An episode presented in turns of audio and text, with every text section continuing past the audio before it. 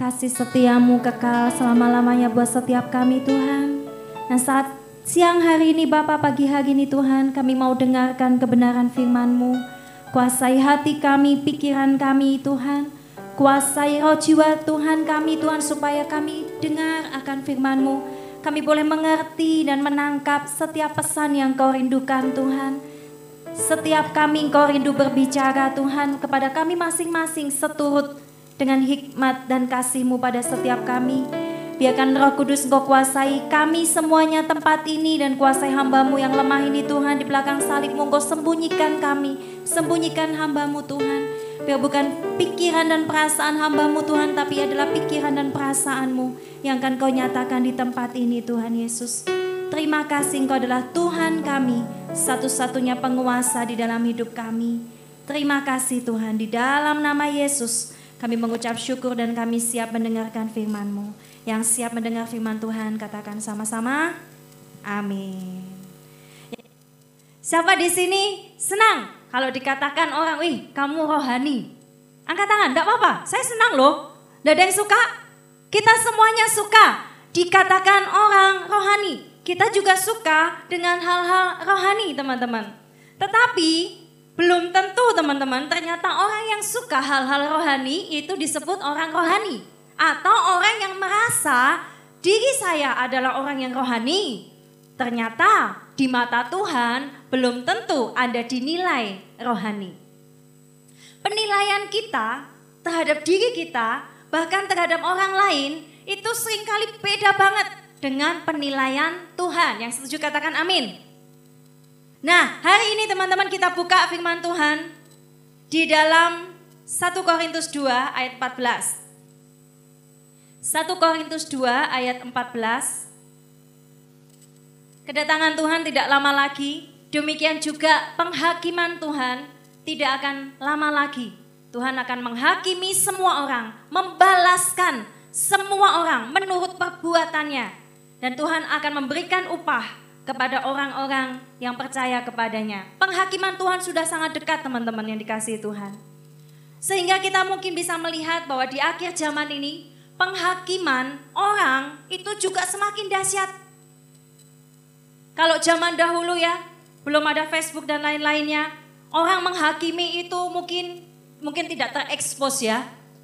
Mungkin menghakimi rame-rame kedapatan mencuri gitu ya.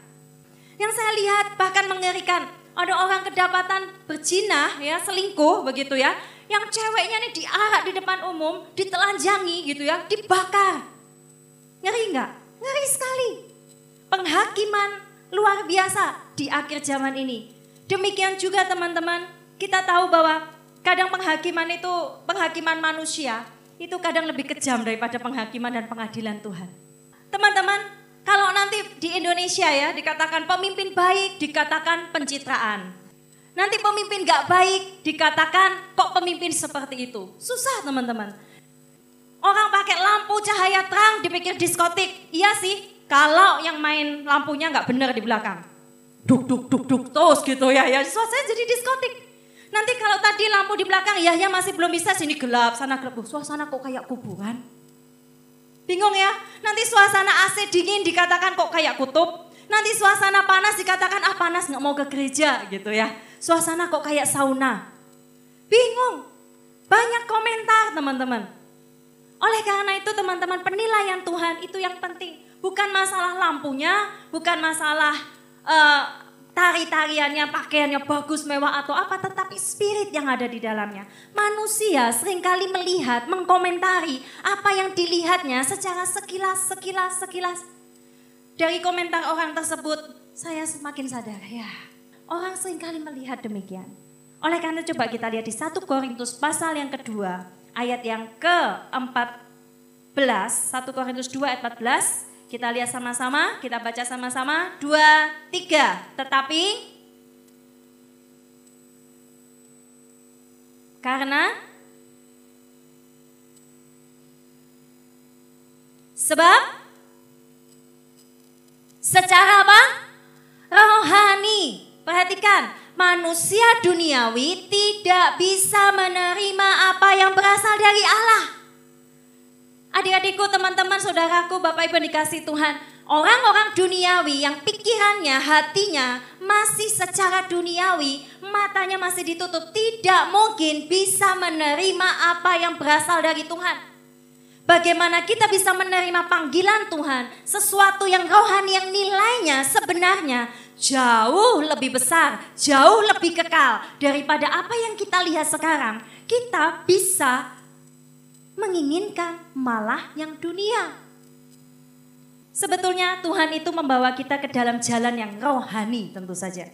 Tetapi sering kali kedagingan kita, nafsu kita, ya, kedagingan kita itu membuat kita sebenarnya kita dibawa Tuhan, dipaksa Tuhan. Ayo kita masuk dalam rencana-rencana Tuhan yang rohani. Hal-hal yang rohani yang Tuhan sediakan, yang kekal, investasi yang kekal. Tetapi manusia malah sering kali ketika dibawa Tuhan ke arah yang sana, manusia melihat ke arah yang berbeda dan melihat bahwa itu lebih indah. Dan bahkan kita yang mengaku diri kita, saya ingin dan mau menjadi manusia-manusia rohani kita mencemburui hal-hal yang tidak rohani. Contohnya apa sih? Hal yang gampang. Tuhan panggil Anda masuk dalam sebuah ladang pelayanan. Indah kan? Masuk dalam pelayanan komunitas. Tapi bisa enggak? Anda tiba-tiba cemburu sama orang yang tidak berkomunitas, ya, tidak pelayanan, nikah cepat gitu ya, punya anak banyak gitu ya, rumah mewah. Anda bisa seolah-olah mungkin hati Anda, kok enak ya, kok enak ya. Pernah? Pernah. Dulu awal-awal saya dipanggil Tuhan menjadi hamba Tuhan 2005, saya bingung sekali menentukan jalan hidup saya. Saya mau melayani tapi saya bingung harus ke mana. Saya tahu harus saya, saya merindu jadi full timer di gereja yang sedang kami rintis waktu itu masih awal sekali pendirian. Tapi saya bingung harus melakukan apa, saya tidak ada yang membimbing, saya bingung Tuhan jadi full time itu seperti apa. Saya bingung bagaimana nafkah saya dan lain sebagainya.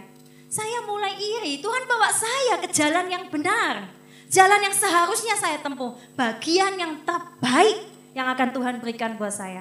Tetapi saya bisa cemburu loh. Saya bisa cemburu dengan teman-teman saya. Kalau ketemu teman tuh rasanya malu, pernah Seringkali kita mencemburi, menilai bahwa ternyata rencana Tuhan yang Tuhan berikan kepada kita itu tidak lebih baik daripada orang-orang lain, orang-orang dunia yang mereka tidak kenal Tuhan atau mereka tidak radikal di dalam Tuhan. Biasa-biasa saja kita malah mencemburui mereka. Itu hal yang aneh bagi Tuhan. Dan kita harus hari ini harus sepakat bahwa itu juga harus menjadi hal yang aneh bagi kita semuanya. Amin mencemburui orang lain. Teman-teman ini peperangan kita ya, peperangan kita. Nah manusia duniawi tidak bisa terima. Tetapi manusia rohani dapat menilai bahwa sesungguhnya panggilan dia, rencana Tuhan buat dia, jalan-jalan yang Tuhan siapkan buat dia, itu jauh lebih indah, jauh lebih kekal, nilainya jauh lebih berharga. Teman-teman yang dikasih Tuhan, gereja adalah sebuah rumah yang Tuhan dirikan di muka bumi ini. Rasul Paulus katakan gini, aku senang aku telah menggenapkan apa yang kurang di dalam penderitaan Kristus, yaitu jemaat. Jadi jemaat atau gereja bukan dalam bentuk bangunan ya, gereja yaitu tubuh Kristus, kesatuan kita semuanya. Itu adalah sebuah rumah, sebuah kehidupan yang luar biasa teman-teman. Nah setiap orang yang di dalam rumah itu begitu berharganya. Coba lihat teman kanan kiri kita, Begitu berharga loh mereka itu. Sangat berharga. Gembala-gembala rekom, coba lihat teman kanan kirimu, anak-anakmu, siapa yang tidak datang hari ini. Mereka berharga loh di mata Tuhan. Teman-teman, coba lihat teman yang sudah lama sekali nggak pernah datang lagi, mungkin sudah dibawa oleh wewe gombel gitu ya, dibawa oleh penyihir, dibawa oleh jalan-jalan dunia, mulai aneh-aneh. Pernah enggak kita, aduh sakit hati kita, kok bisa ya? Kenapa rekom kita tidak bisa memenangkan dia? Kenapa rekom kita tidak bisa ajak dia, mempertahankan dia? Pernah tidak Anda berpikir? Teman-teman, jiwa-jiwa itu begitu berharga. Semua orang di tempat ini sangat berharga. Baik orang yang lama, yang sudah merintis bersama-sama kami ya, 11 tahun, bahkan lebih dari itu. Maupun anak yang baru satu tahun, belum satu tahun di tempat ini. Semua sama-sama berharga. Yang setuju katakan amin. Dalam sebuah rumah semuanya berharga. Nah hari ini saya akan bahas teman-teman. Bahwa di dalam kehidupan berjemaat. Untuk memenuhi tujuan Tuhan di muka bumi ini. Saya akan sampaikan dua hal saja. Tapi saya akan jelaskan itu. Ayo kita buka sama-sama di 1 Korintus pasal yang ke-6. Tinggal dibalik saja. 1 Korintus di dalam kitab Korintus ini Rasul Paulus banyak menjelaskan ya bagaimana kehidupan berjemaat, bagaimana gereja, bagaimana uh, yang lain-lain ya. Coba kita lihat 1 Korintus pasal 6 ayat yang ke-1 sampai ayat yang selanjutnya. Coba kita baca. Saya minta laki-laki dulu baca, kemudian pria dulu lalu perempuan ya. Baca. 1 2 3.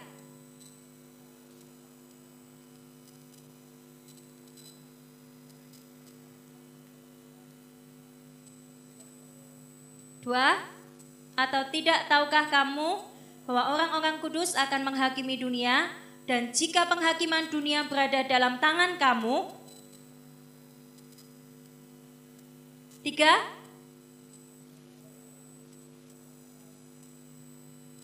Satu Korintus 6 dikatakan begini teman-teman ya, saya ringkas saja. Rasul Paulus merasa keberatan kalau di dalam sebuah jemaat Jemaat kita di dalam sebuah keluarga, siapa sih yang tidak pernah ada masalah? Angkat tangan. Semua pernah punya masalah di dalam keluarga. Betul? Antara ayah, ibu, anak, ya, saudara, paman, kita semua punya pernah mengalami yang namanya masalah. Nah, Rasul Paulus keberatan kalau di dalam sebuah jemaat kita ada masalah di dalam jemaat itu, malah jemaatnya ini tidak mencari solusi, dari orang-orang percaya di dalamnya. Malah lebih mementingkan solusi-solusi pendapat-pendapat orang lain yang di luar dari jemaat itu. Maksudnya orang-orang yang belum percaya Tuhan, teman-teman duniawi kita yang belum percaya, atau orang-orang yang belum sungguh-sungguh di dalam Tuhan, kita malah dengerin mereka. Ini adalah adanya perkara di dalam sebuah jemaat itu aja kata Paulus katakan itu adalah sebuah kekalahan sebetulnya buat kita. Nah apalagi kalau dalam sebuah jemaat, dalam sebuah keluarga, kita tuh mencari solusi malah ke tempat yang lain. Teman-teman kalau Anda lagi nggak enak sama saudara, ya berusaha enggak kita menyelesaikan masalah dengan kakak kita, dengan adik kita. Diam-diaman satu tahun? Enggak kan? Kita pasti berusaha gimana caranya supaya hubungan kita kembali baik dengan kakak kita. Ajak makan. Jadi dalam hubungan saudara atau jemaat, janganlah kita kalau ada masalah di dalam kita, kita malah mencari mendengar solusi dari yang lain teman-teman. Kalau ada masalah, selesaikan di dalam keluarga itu. Itulah yang penting teman-teman. Hati-hati kalau kita itu yang namanya bercerita. Kita semua ini punya mulut.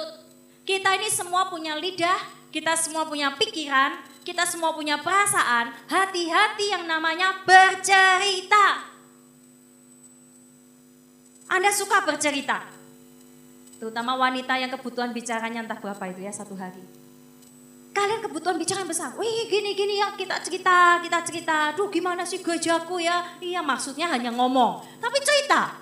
Nanti di tempat makan Riko membahas. Ya setelah pulang dari tempat ini.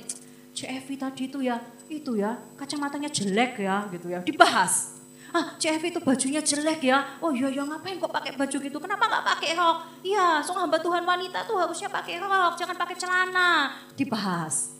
Oh itu kata di choirnya tuh kurang banyak, Cinen itu kurang, pinter ngaturnya. Dibahas. Cerita kan? Lalu ketika ditegur, aku lo cuma cerita. Cuma cerita itu cerita apa teman-teman? Bahaya loh. Dan kalau kita ceritakan itu tidak pada orang yang tepat lagi. Ceritanya pada orang-orang misalnya yang punya kepahitan yang sama dengan misalnya dengan saya. Ya, atau orang lain lah ya, anggaplah ya jangan saya kelihatan membela diri gitu ya. Dan orang itu akhirnya hancur image-nya. Itu akibat cuma cerita. Dan ada ada masalah di dalam riko, masalah dalam jemaat, masalah dalam keluarga. Gereja itu keluarga loh teman-teman. Nah kalau kita suka mendengar atau bercerita tidak bijaksana, Anda sedang dipakai oleh ibu iblis untuk menghancurkan rumah tangga gereja atau rumah Tuhan ya atau jemaat Tuhan atau tubuh Kristus. Anda sedang dipakai iblis untuk melukai dan saling melukai. Teman-teman, hati-hati dengan yang namanya cuma cuma cerita. Hati-hati juga untuk mencari pendapat. Aku mau jadian sama ini, gimana ya? Aku sudah suka. Cari pendapatnya sama teman-teman yang lain yang belum kenal Tuhan. Ya jelas saja bilang tembak aja gitu ya. Ngapain suwe-suwe gitu ya. Ya jelas. Tapi kalau oh iya aku akan cari pendukung yang lebih banyak lebih baik. Tapi kalau aku datang ke gembala Rikom selalu omongannya apa? Doakan dulu. Sabar. Satu tahun lagi mau enggak? Aduh lama nanti setelah diambil orang nih gimana ini? Anda lebih suka pendapat yang mana? Satu apa dua? Halo? Kita lebih cenderung suka yang pertama. Mencari pendapat yang menguntungkan daging kita yang mencari pendapat yang menyupport keinginan kita. Pada semua yang tak kuingini itu yang terbaik. Itu pujiannya ya. Tak semua yang kuharapkan itu baik bagi kita. Betul teman-teman. Ya, yang kedua, satu Tesalonika 2. Jadi yang pertama itu ya, hati-hati mulai sekarang kalau Anda mendengar cerita atau apa pun, teman-teman Riko mulai bergosip, mulai bercerita tidak benar, tutup mulutnya. Shh, jangan asal bercerita Ya ya, jadi mulai hari ini kalau Anda mendengar teman-teman gosip, cerita tidak benar, cerita tidak karu-karuan, banyak bicara, langsung tutup mulutnya, taruh jarimu ke mulutnya. Ya, banyak bicara, banyak pelanggaran. Makan saja sudah ya, nggak usah banyak ngomong ya. Oke, 1 Tesalonika 2 ayat 3. Hati-hati apa yang Anda dengar ya. 1 Tesalonika pasal 2 ayat yang ketiga. Bagaimana kehidupan jemaat yang selanjutnya yang akan saya angkat hari ini? 1 Tesalonika 2 ayat yang ketiga sampai ayat yang seterusnya. Saya bacakan aja biar cepat. Sudah dapat semua katakan amin? Sebab nasihat kami tidak lahir dari kesesatan atau dari maksud yang tidak murni dan juga tidak disertai tipu daya Sebaliknya, karena Allah telah menganggap kami layak untuk mempercayakan Injil kepada kami, karena itulah kami berbicara, bukan untuk menyukakan manusia, melainkan untuk menyukakan Allah yang menguji hati kita. Karena kami tidak pernah bermulut manis, hal itu kamu ketahui, dan tidak pernah mempunyai maksud loba yang tersembunyi. Allah adalah saksi. Juga tidak pernah kami mencari pujian dari manusia, baik dari kamu maupun dari orang-orang lain, sekalipun kami dapat berbuat demikian sebagai rasul-rasul Kristus. Tujuh. Tetapi kami berlaku ramah di antara kamu, sama seperti seorang ibu mengasuh dan merawati anaknya. Demikianlah kami dalam kasih sayang yang besar akan kamu. Bukan saja rela membagi Injil Allah kepada kamu, tetapi juga hidup kami sendiri dengan kamu karena kamu telah kami kasihi. So sweet, ya. Rasul Paulus ini walaupun kelihatannya galak, seorang pembunuh, ketika dia bertobat, dia buat surat. Mungkin Anda kalau dapat surat seperti ini, Anda nangis ya. Kalau gembala Anda, Bapak Gembala Daniel memberikan surat seperti ini, pasti wah so sweet sekali ya. Rasul Paulus so sweet. Dia bilang, aku ini seperti ibu. Aku tuh tidak mencari keuntungan apa pun di antara kamu. Aku tuh merawat kamu, mengasuh kamu.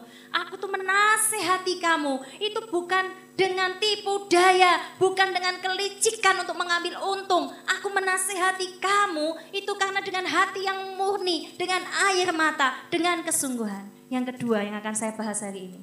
Di dalam gereja atau jemaat keluarga Tuhan, ada yang namanya nasihat, ada yang namanya pendisiplinan, ada yang namanya kasih, ada yang namanya hukuman. Siapa yang tidak pernah dihukum papanya? Saya pernah. Siapa yang tidak pernah dihukum mamanya? Saya pernah.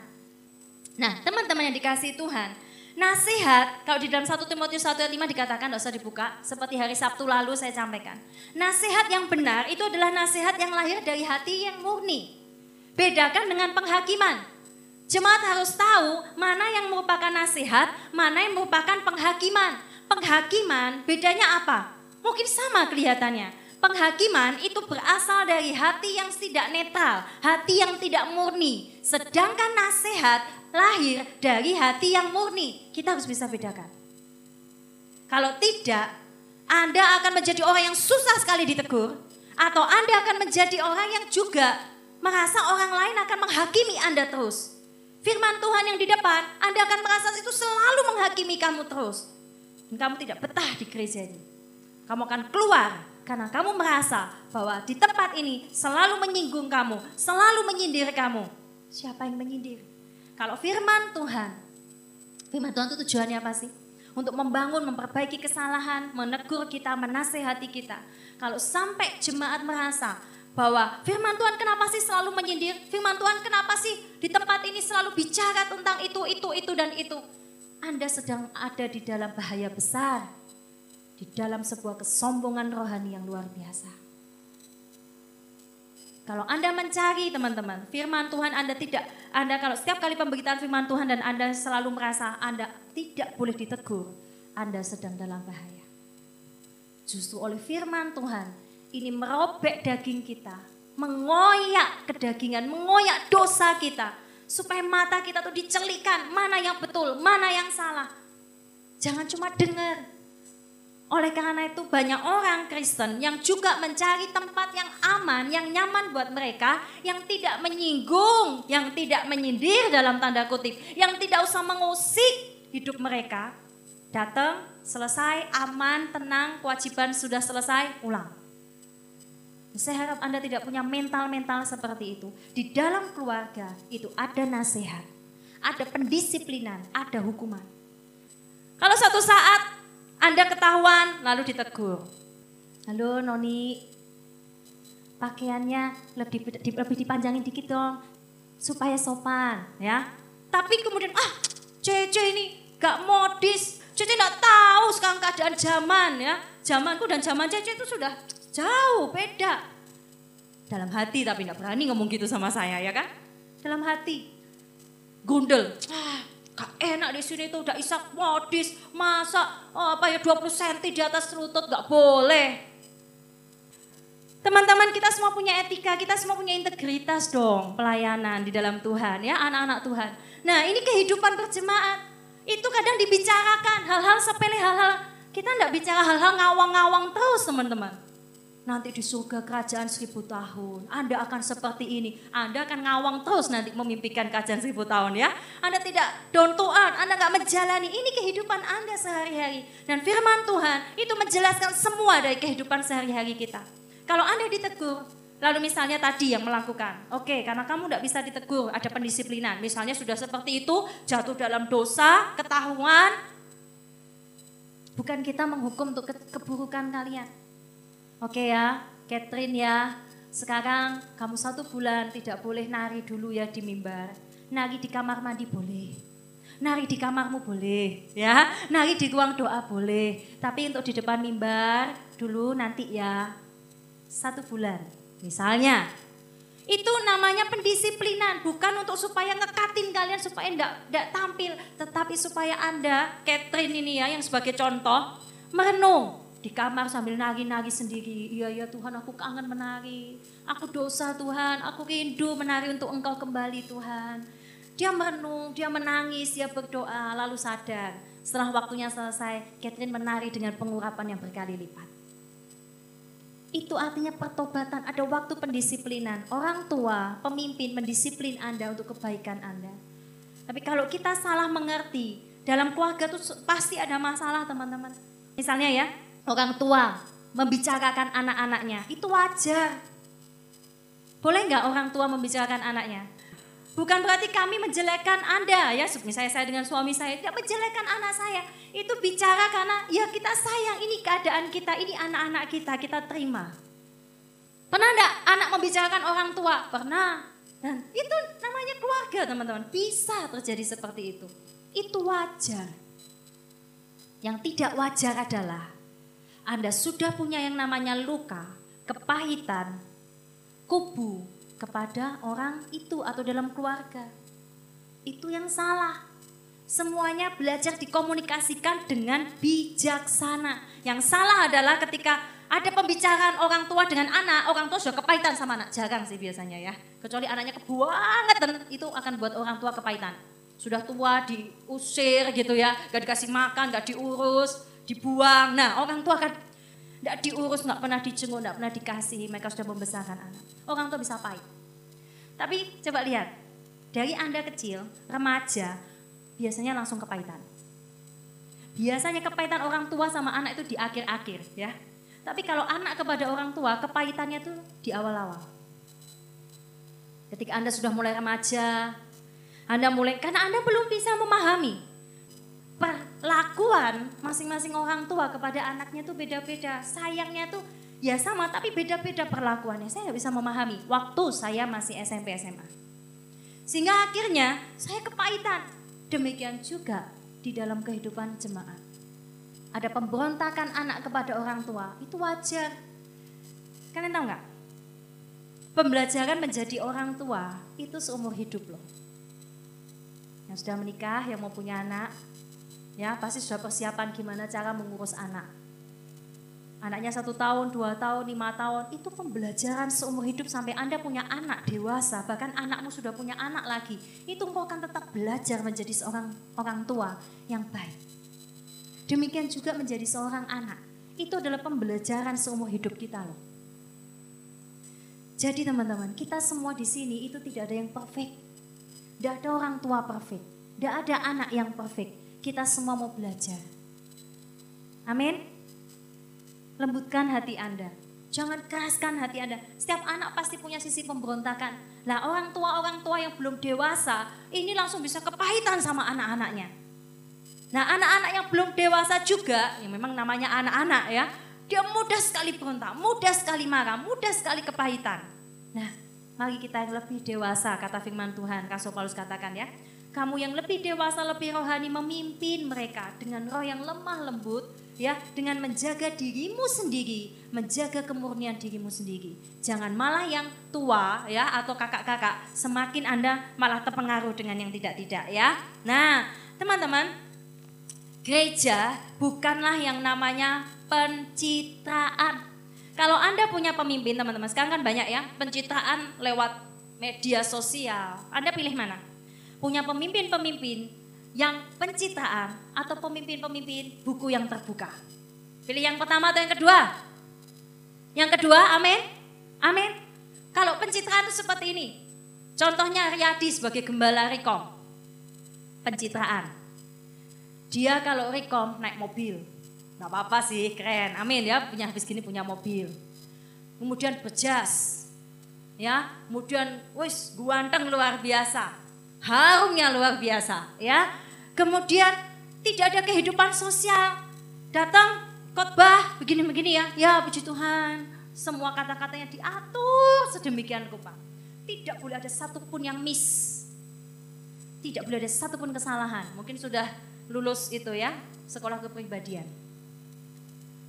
Luar biasa. Saya itu pulang, anda akan anak-anaknya, perempuan atau wanita bisa terkagum-kagum, tuing, tuing, tuing gitu ya. Wih, ini Koko perfect. Koko Riyadi, I love you. I love you Koko Riyadi. Siap Riyadi memimpin gak konsen lihat firmannya, konsen lihat wajahnya. Apalagi pakai kacamata, ya kan? Wih, konsen lihat kacamatanya. Gak konsen. Itu pencitraan. Tapi di tempat ini kita beda teman-teman. Yang namanya keluarga, yang se jemaat yang sehat, itu menjadi buku yang terbuka. Anda bisa lihat pribadi saya, Anda bisa lihat saya orangnya seperti apa, Anda bisa lihat orangnya Bapak Gembala Anda seperti apa, Anda bisa lihat lewi-lewi gembala-gembala Anda seperti apa. Bagaimana saya ngepel, saya bersihin, saya bercanda, saya juga nakal gitu ya. Bapak Gembala pakai celana pendekan terus gitu ya, bersih-bersih gitu ya, marahin tukang, ikuti aja anda akan tahu kehidupan kami. Itu namanya buku terbuka. Kita semua mau jadi buku terbuka. Amin. Tetapi jangan jadi buku terbuka yang malu-maluin. Anda boleh jadi buku terbuka. Saya boleh jadi buku terbuka. Kita harus jadi buku terbuka. Tapi jangan jadi buku yang malu, maluin. Amin. Amin. Karena kita mempertanggungjawabkan hidup kita itu di dalam Tuhan. Nah teman-teman pandangan kita bisa beda ketika kita melihat Tayadi. Ya, tapi teman-teman coba kita lihat di dalam 1 Korintus 13. 1 Korintus 13 itu tentang kasih teman-teman. Di situ dikatakan begini, di dalam keluarga selanjutnya ada keterbukaan ya atau buku terbuka ada keterbukaan tetapi 1 Korintus 13 katakan begini kasih itu menutupi segala sesuatu. Nah, saya mau angkat poin ini. Memang kasih itu terbuka. Anda mau ada pemulihan, ada hubungan, saya dengan anak-anak rohani saya, Anda dengan teman-teman rohani dan semuanya, kita perlu ada keterbukaan. Terbuka bukan berarti Anda bisa mengungkapkan segala sesuatunya dengan gamblang terbuka. Apa yang diomongkan orang, Anda omongkan lagi ke orang lain dan itu Anda begitu, wih saya sudah jadi terbuka. Itu pikiran yang salah teman-teman, hati-hati.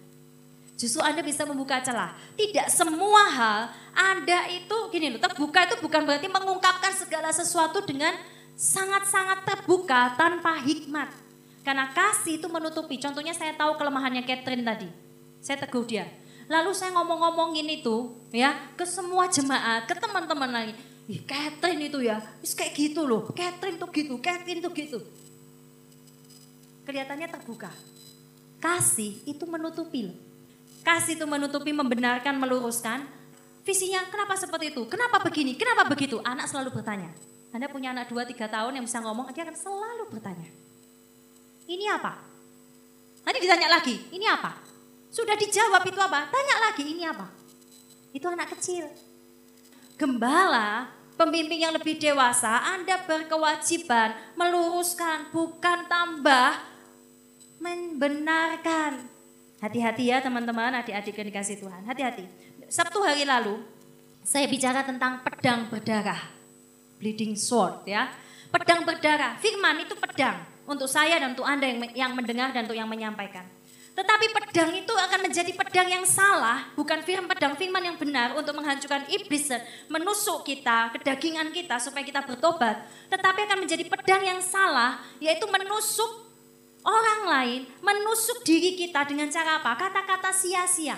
Pedang yang mungkin mirip, kelihatannya itu pedang dari Tuhan, tapi itu pedang dari iblis. Itu menusuk diri kita. Contohnya Anda suka berkata sia-sia Ya, aduh hidupku memang sorok. Aduh aku hidupku tuh tidak pernah bahagia. Aku punya seperti ini, ini, ini, tidak senang hatiku, aku begini. Ngeluh, kita mengasihani diri, kita tidak puas. Anda katakan itu berulang-ulang, lebih baik aku mati aja.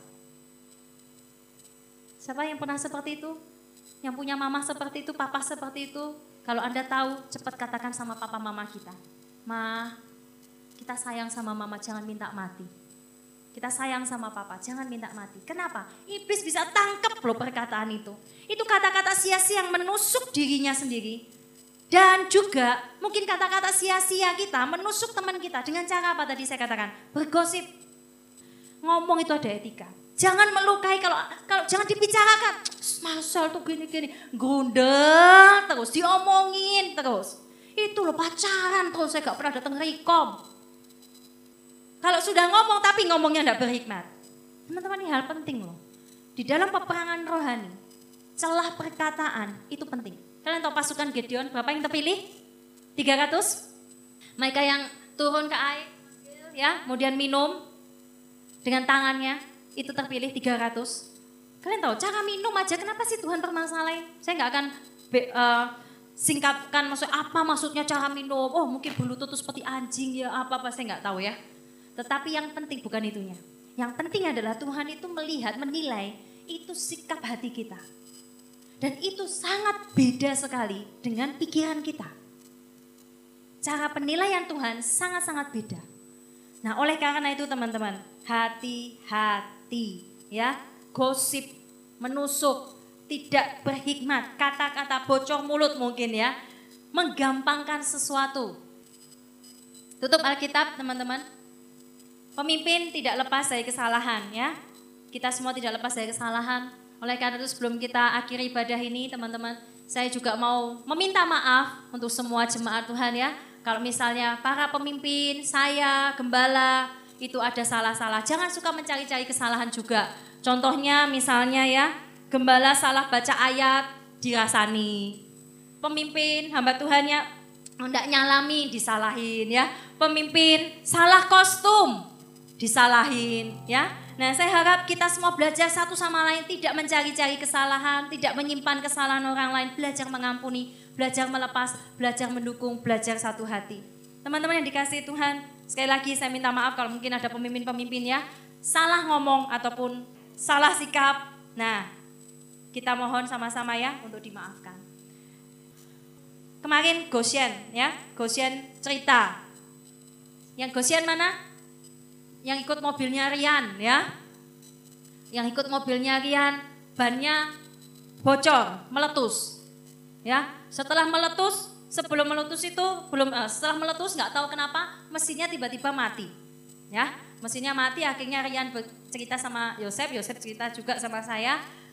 Tiba-tiba mati mesinnya dan akhirnya merapat. Loh, kok mesinnya mati? Tahu-tahu ternyata bannya meletus. Nah, sedangkan kesaksian Elita mengatakan, "Wih, ban meletus itu temanku atau apa ada gitu ya, mati semua sak mobil." Wih, kok ngeri gitu ya. Karena ban meletus, oleng, ya kan? Tapi ini ajaib Tuhan melindungi loh. Rekom, rekom, Tuhan lindungi kalian. Ban meletus, mesin mati. Gak ada hubungannya kan ban sama mesin ya. Tapi mesin dibuat malaikat mati supaya aman. Dan ternyata di situ mereka ganti ban, tidak peduli. Ternyata di situ ada orang gambar begini di jalannya, orang mati. Mereka berhenti itu ternyata ada kecelakaan di situ dan orang mati. Untung tidak gambarnya Rian yang begini ya. Puji Tuhan ya. Jangan sampai ya Rian dan dan kawan-kawan masih ada di mana Rian masih ada di tempat ini puji Tuhan ya. Ini kesaksian juga ya. Tapi saya mau katakan begini. Roda dengan mesin dan semuanya itu akan berjalan. Kegerakan itu akan berjalan kalau empat rodanya mau jalan. Kalau ada mesinnya mau jalan teman-teman. Kalau misalnya hanya dua atau tiga mau bergerak, ayo kita bergerak. Rodanya mau jalan. Satu roda meletus. Tidak mau jalan. Bisa jalan nggak mobilnya? Tidak bisa. Kegerakan itu butuh yang namanya bersama-sama teman-teman.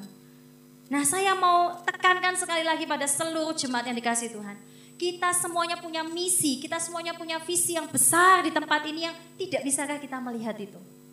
Kalau kita bisa lihat itu, dengan menilai dengan mata rohani kita, saya percaya Anda akan bangkit untuk misi-misi Tuhan.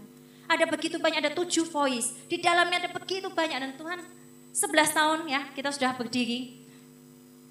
Generasi perintis itu tidak hanya 11 tahun yang lalu loh.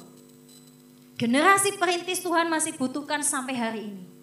Kalau Anda berpikir ini sudah selesai dan Anda hanya tinggal membangun-membangun, ayo ikut membangun, ikut merintis bersama-sama. Ya, tutup mata kita, kita renungkan. Ada waktu untuk setiap kegerakan yang Tuhan izinkan teman-teman. Tuhan persiapkan para perintis, Tuhan siapkan para pemimpin-pemimpin voice Tuhan pingin kita semuanya membangun bahteranya Tuhan dengan visi, dengan misi-misi yang Tuhan siapkan buat kita. Saya mau bertanya untuk yang terakhir kalinya pada seluruh jemaat. Tidak bisakah kita melihat teman-teman bahwa ada misi Tuhan yang begitu besar, ada visi Tuhan yang begitu besar yang sedang menanti kita, ada ladang-ladang Tuhan yang sedang menunggu untuk kita kerjakan. Saya percaya Bapak sangat menghargai perjuangan kalian semua. Bapak sangat menghargai perjuangan kita untuk berubah, untuk bertobat, untuk melayani Tuhan. Jangan pernah menyerah. Jangan pernah menyerah pada dirimu sendiri. Karena Tuhan mendisiplin engkau, mendidik engkau. Paulus seorang pembunuh. Petrus seorang nelayan yang tanpa tujuan hidup. Begitu banyak tokoh-tokoh di firman Tuhan, pahlawan-pahlawan Tuhan, mereka bukan orang baik.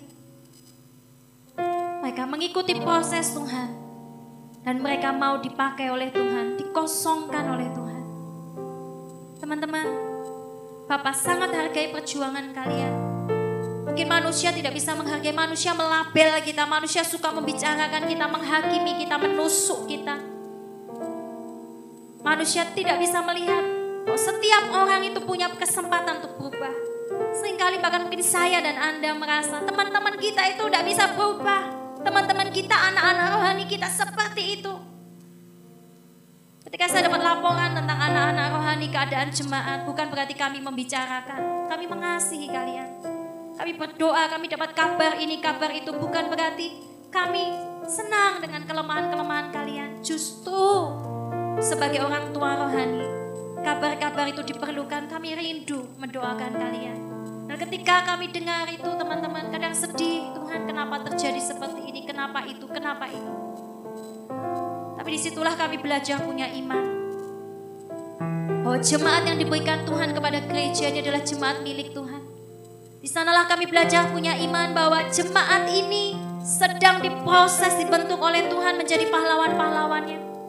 Mungkin belum kelihatan sekarang, tapi pengharapan di dalam Tuhan tidak akan pernah mengecewakan. Jangan pernah berhenti berharap. Kita percaya bahwa anak-anak rohani kita, bahkan diri kita, kita bisa dipakai oleh Tuhan, kita bisa diangkat oleh Tuhan. Semua orang berhak dan bisa untuk berubah. Di dalam kitab Yohanes 17 dikatakan tentang Yesus yang berdoa. Sebelum Yesus mati di atas kayu salib dia berdoa, Bapa pelihara mereka. Pelihara mereka jemaat anak-anak rohaninya, murid-muridnya, semua yang percaya kepadanya, pelihara mereka. Jadikan mereka satu, seperti engkau dan aku satu. Supaya dunia ini melihat kemuliaan Tuhan. Itu doa Tuhan buat kita semuanya. Keinginan dari Tuhan kita. Mari kita mau sama-sama belajar menjawab doa dari Tuhan kita. Kita belajar punya yang namanya roh kesatuan. Jangan punya yang namanya roh pemecah. Jangan punya yang namanya roh gosip. Jangan punya yang namanya roh menusuk, suka menusuk, suka membicarakan. Saya pun belajar teman-teman, saya pun banyak ditegur Tuhan. Bukan masalah membicarakannya, tapi benar enggak hatimu? Benar enggak murni enggak hatimu? Kalau tidak, stop, diam, berdoa. Karena Anda belum dapat menilai segala sesuatunya. Saya belum bisa menilai segala sesuatunya. Tapi kita mau belajar supaya kita bisa menilai secara rohani. Menjadi manusia rohani yang didewasakan. Renungkan firman Tuhan ini sambil lagu ini dinyanyikan. Satukan kami Tuhan. Satukan kami di dalam kuasamu Yesus. Ajari kami